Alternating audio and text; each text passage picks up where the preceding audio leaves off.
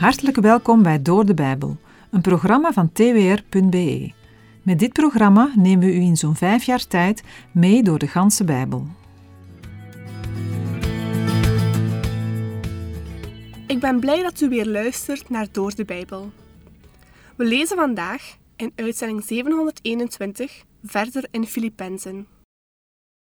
Blijdschap is een kernwoord uit de Filippenzenbrief. Ik zeg het er nog een keertje bij, maar u heeft misschien nog in uw achterhoofd dat de apostel het vanuit de gevangenis schrijft. Zijn situatie is niet heel aangenaam. Toch roept hij keer op keer op om blij te zijn in de Here. Het is iets wat hij ook in zijn eigen leven ervaart.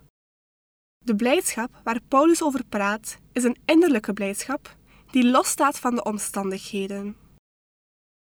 Deze vreugde wordt niet veroorzaakt door een prettig en makkelijk leven. Integendeel, zou ik haast zeggen.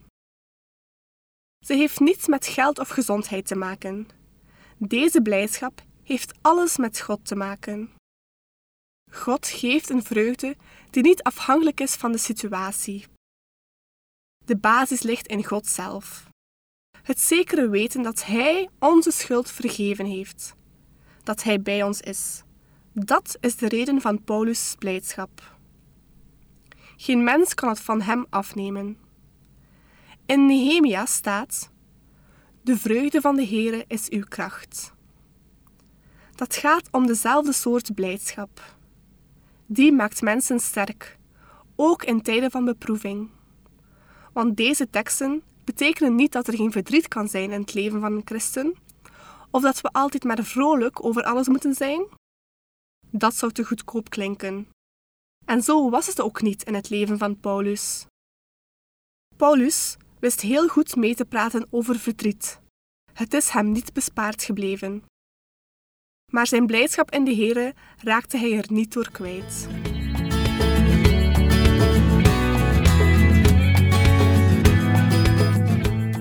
In de vorige uitzending hebben we stilgestaan bij de waarschuwingen van de apostel Paulus om niet op verdiensten, afkomst en inspanningen van een mens zelf te vertrouwen. In de brieven van Paulus is het gegeven dat rechtvaardigheid voor God enkel via genade kan een centraal thema.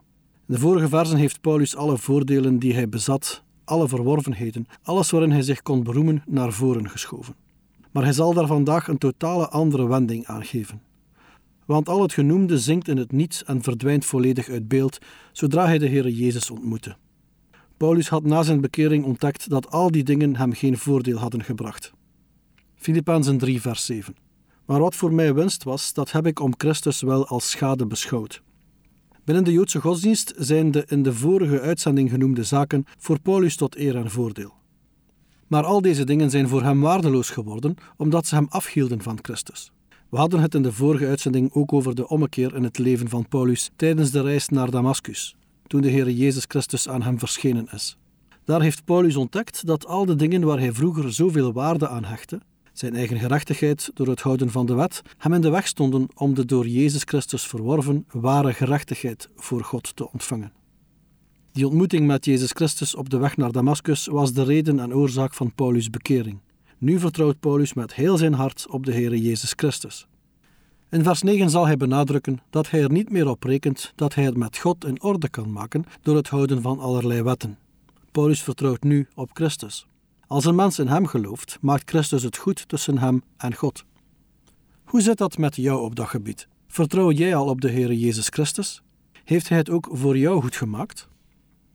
Paulus schreef over zijn godsdienstige verleden maar wat voor mij winst was, dat heb ik om Christus wel als schade beschouwd. Met andere woorden, maar al deze dingen waar ik vroeger zoveel waarde aan hechtte, zijn voor mij waardeloos geworden, omdat ze mij afhielden van Christus. Ook vandaag kan dat de ervaring van mensen zijn met betrekking tot het geloof en de dingen die zij daarover van huis hebben meegekregen. Zijn het dingen die jou van Christus afhouden? Ook als je van huis uit wel goede voorbeelden hebt meegekregen, kun je persoonlijk toch een andere keuze hebben gemaakt. Ook zo'n keuze houdt je van Christus af. Maar voor Christus zelf is er geen enkel obstakel. Hij wil jou steeds weer op allerlei manieren zeggen en laten weten dat hij van je houdt. Velen nemen zijn aanbod niet aan door wat er allemaal al gebeurd is en gebeurt in Jezus' naam. Maar wij mensen moeten hem niet beoordelen naar wat zijn volgelingen van hem laten zien. Niet wat een kerk, een geestelijke leider of gelovige voor wandaden heeft gedaan, is bepalend, maar wat God door zijn woord en geest zegt en doet. Wat de Heer heeft gedaan in zijn Zoon Jezus Christus. Dat neemt uiteraard niet weg dat het verschrikkelijk is als kerken, gemeenten en geestelijken steken laten vallen en dingen doen waarvan de Heer hen rekenschap zal vragen. Ik zou willen dat ze nooit waren gebeurd, want bij velen staan ze in de weg om zich met hart en ziel over te geven aan Jezus Christus. Filippenzen 3, vers 8. Ja, beslist, ik beschouw ook alles als schade vanwege de voortreffelijkheid van de kennis van Christus Jezus, mijn Heer, om wie ik dat alles als schade ervaren heb. En ik beschouw het als veiligheid, opdat ik Christus mag winnen. Tweemaal wordt hier het woord alles gebruikt. Paulus heeft het hier niet alleen over de dingen vanuit zijn Joodse opvoeding en achtergrond, maar op heel zijn oude leven toen hij Christus nog niet kende. Er is in vergelijking met het vorige vers sprake van een climax. In vers 7 zijn de dingen waar de apostel vroeger zoveel waarde aan hechtte, waardeloos geworden. Maar nu wordt alles uit het oude leven van Paulus als waardeloos aangeduid. Paulus komt tot een totale verwerping van zijn oude leven. Hij heeft het zelfs over vuiligheid. Deze verwerping van het oude leven wordt op een treffende manier uitgebeeld in de christelijke doop. In Romeinen 6, vers 4 lezen we: Wij zijn dan met hem begraven door de doop in de dood, opdat evenals Christus uit de doden is opgewekt tot de heerlijkheid van de Vader, zo ook wij in een nieuw leven zouden wandelen. De reden van verandering in zijn gedachten is omdat niets meer waarde heeft dan het kennen van Christus. Dan gaat het om een kennen van de levende en de opgestane heiland in een persoonlijke geloofsrelatie. Achter Christus Jezus staat nog een persoonlijke beleidenis van de apostel. Hij noemt Jezus Christus mijn Heere. Daarmee drukt hij uit dat het kennen van Jezus alle gevoelens van eigen gerechtigheid en alle andere kennis te boven gaat. Het is ook mogelijk dat Paulus zich met het woord kennis afzet tegen joods-gnostische dwaalleraren. Het kennen van Christus is de werkelijke winst, waarbij al het andere als verlies wegvalt. Jezus zegt in Matthäus 16, vers 26: Want wat baat het een mens als hij heel de wereld wint en aan zijn ziel schade leidt? Of wat zal een mens geven als losprijs voor zijn ziel? De bekering van Paulus was geen bevlieging, geen gebeurtenis van een moment of een bepaalde periode. Een echte bekering is een verandering van denken en leven. In Johannes 15, versen 4 en 5 zegt Jezus: Blijf in mij en ik in u, zoals de rank geen vrucht kan dragen uit zichzelf als hij niet in de wijnstok blijft. Zo ook u niet, als u niet in mij blijft. Ik ben de wijnstok, u de ranken. Wie in mij blijft en ik in hem, die draagt veel vrucht. Want zonder mij kunt u niets doen. Filippenzen 3, vers 9. Opdat ik Christus mag winnen en in hem gevonden word, niet met mijn rechtvaardigheid die uit de wet is, maar die door het geloof in Christus is. Namelijk de rechtvaardigheid uit God, door middel van het geloof. Er is hier sprake van twee soorten rechtvaardigheid, en ze staan helemaal tegenover elkaar. De zelf verworven gerechtigheid door het voldoen aan de voorschriften van de wet en de gerechtigheid die God schenkt door het geloof in Christus. Door het houden van allerlei wetten kan een mens niet behouden worden. De wet was gegeven als een opvoeder, totdat Christus kwam. De echte gerechtigheid komt door het geloof in Christus, door op Hem te vertrouwen en niet op grond van goed gedrag, verdiensten of door het houden van allerlei wetten. Christus Jezus nam onze zonden op zich. Hij stond op uit de dood voor onze rechtvaardiging. Zonder Zijn verzoening kunnen we niet voor de Here verschijnen. Het feit dat de eeuwige God, de Vader van onze Heere Jezus Christus, ons liefgeeft en Zijn Zoon voor ons heeft overgegeven, is de verbazingwekkendste gebeurtenis uit de geschiedenis van de mensheid. Filippenzen 3, versen 10 en 11. Opdat ik Hem mag kennen en de kracht van Zijn opstanding en de gemeenschap met Zijn lijden, doordat ik aan Zijn dood gelijkvormig word, om hoe dan ook te komen tot de opstanding van de doden. De versen 8 tot en met 11 vormen één lange zin. Het is daarom niet altijd eenvoudig om alles meteen te begrijpen.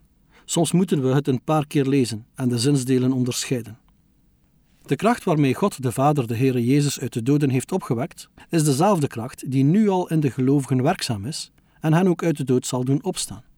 Christus kennen houdt het ervaren van de opstandingskracht in, maar heeft ook tot gevolg dat de gelovigen zullen lijden om de naam van Christus. Maar delen in het lijden van Christus betekent ook delen in de verheerlijking van Christus.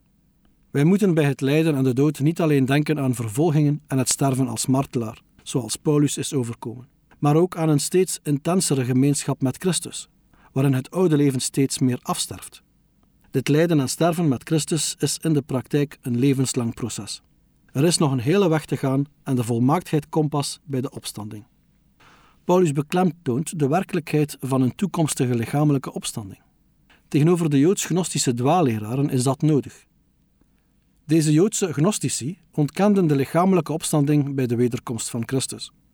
Zij beweerden dat de menselijke ziel langs de weg van de kennis al in dit leven tot volmaaktheid kon komen, als het ware een mystieke eenwording met God. Paulus wijst die gedachte af en zegt: Het enige wat ik wil, is Christus kennen en ervaren hoe groot de kracht is, waardoor Hij uit de dood is opgestaan. Ik wil ervaren wat het betekent om met Hem te lijden en te sterven, om uiteindelijk te komen tot de opstanding uit de dood. Paulus is niet van plan met zijn handen over elkaar te gaan zitten. Hij wil Christus nog beter leren kennen en zijn grote kracht ervaren in de werkelijkheid van iedere dag. Het is onmogelijk om de Heilige Geest, die in en door Paulus heen werkt, op non-actief te zetten. Door het geloof in Christus Jezus heeft een gelovige een nieuwe motivatie gekregen, een nieuw doel, een nieuwe stijl van leven. Uit het leven van een gelovige zal dat blijken en ook te zien zijn. Het is namelijk een verschil van licht en duisternis. Filippenzen 3, vers 12. Niet dat ik het al verkregen heb, of al volmaakt ben, maar ik jaag ernaar om het ook te grijpen. Daartoe ben ik ook door Christus Jezus gegrepen. Paulus spreekt zich niet duidelijk uit over wat hij nog niet verkregen heeft. Maar we kunnen denken aan de volmaakte kennis van Christus, of de volledige uitwerking in zijn leven daarvan. Ook met deze woorden stelt de apostel zich op tegenover de dwaalleraren. Zij meenden nu al de volmaaktheid te kunnen bereiken en hadden daarom ook geen opstanding uit de doden meer nodig. Paulus is niet zoals veel mensen, die denken al alles te weten. Hij blijft groei najagen. Hij is daarmee een voorbeeld. In 2 Petrus 3, vers 18 staat: Maar groei in de genade en kennis van onze Heer en zaligmaker Jezus Christus. Hem zij de heerlijkheid, zowel nu als in de dag van de eeuwigheid. Amen. De gelovigen moeten zich niet laten meeslepen door dwaalleraars, maar in plaats daarvan geestelijk groeien en onze Heer en Redder Jezus Christus beter leren kennen. Door te groeien in de genade en de kennis van Jezus Christus zullen de gelovigen steeds meer het tegenbeeld worden van dwaalleraars. Filippenzen 3, versen 13 en 14. Broeders, ik zelf denk niet dat ik het gegrepen heb, maar één ding doe ik. Vergetend wat achter is, mij uitstrekkend naar wat voor is, jaag ik naar het doel, de prijs van de roeping van God, die van boven is, in Christus Jezus. De plaats waar vers 13 eindigt en vers 14 begint verschilt per Bijbeluitgave. Daar zijn verschillende redenen voor.